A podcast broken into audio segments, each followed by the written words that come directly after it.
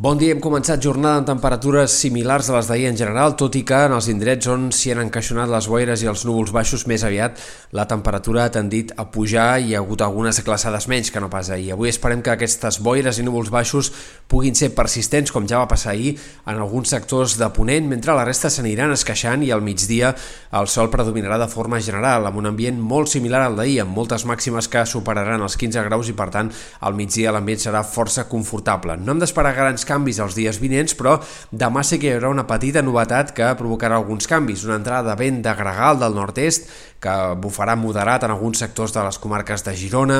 el Maresme, fins i tot es deixarà sentir a la costa central i això farà que hi hagi menys núvols baixos que no pas aquests últims dies, menys humitat, però també que la temperatura baixi. El migdia de demà serà més hivernal que el d'avui, en una altra jornada en què el sol predominarà i els núvols baixos seran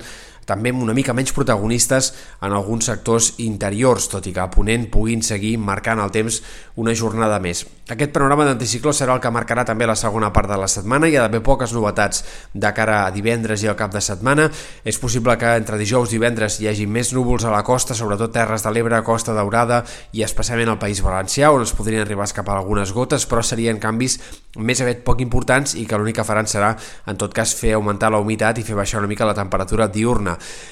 És possible que de cara a diumenge aquests núvols puguin ser més extensos, però eh, a hores d'ara els models eh, de previsió eh, ofereixen poques possibilitats, una probabilitat baixa que arribi a ploure tampoc de cara al final del cap de setmana. Sobre com arribarem a Nadal encara hi ha força incògnites. Sembla probable que al, tram final de l'any, en aquests últims 10 dies de l'any, hi hagi bastants moviments de masses d'aire i per tant glopades d'aire fred que arribin a alguns sectors del sud d'Europa, però encara és poc clar si això ens afectarà d'alguna manera o no. De moment el més probable és que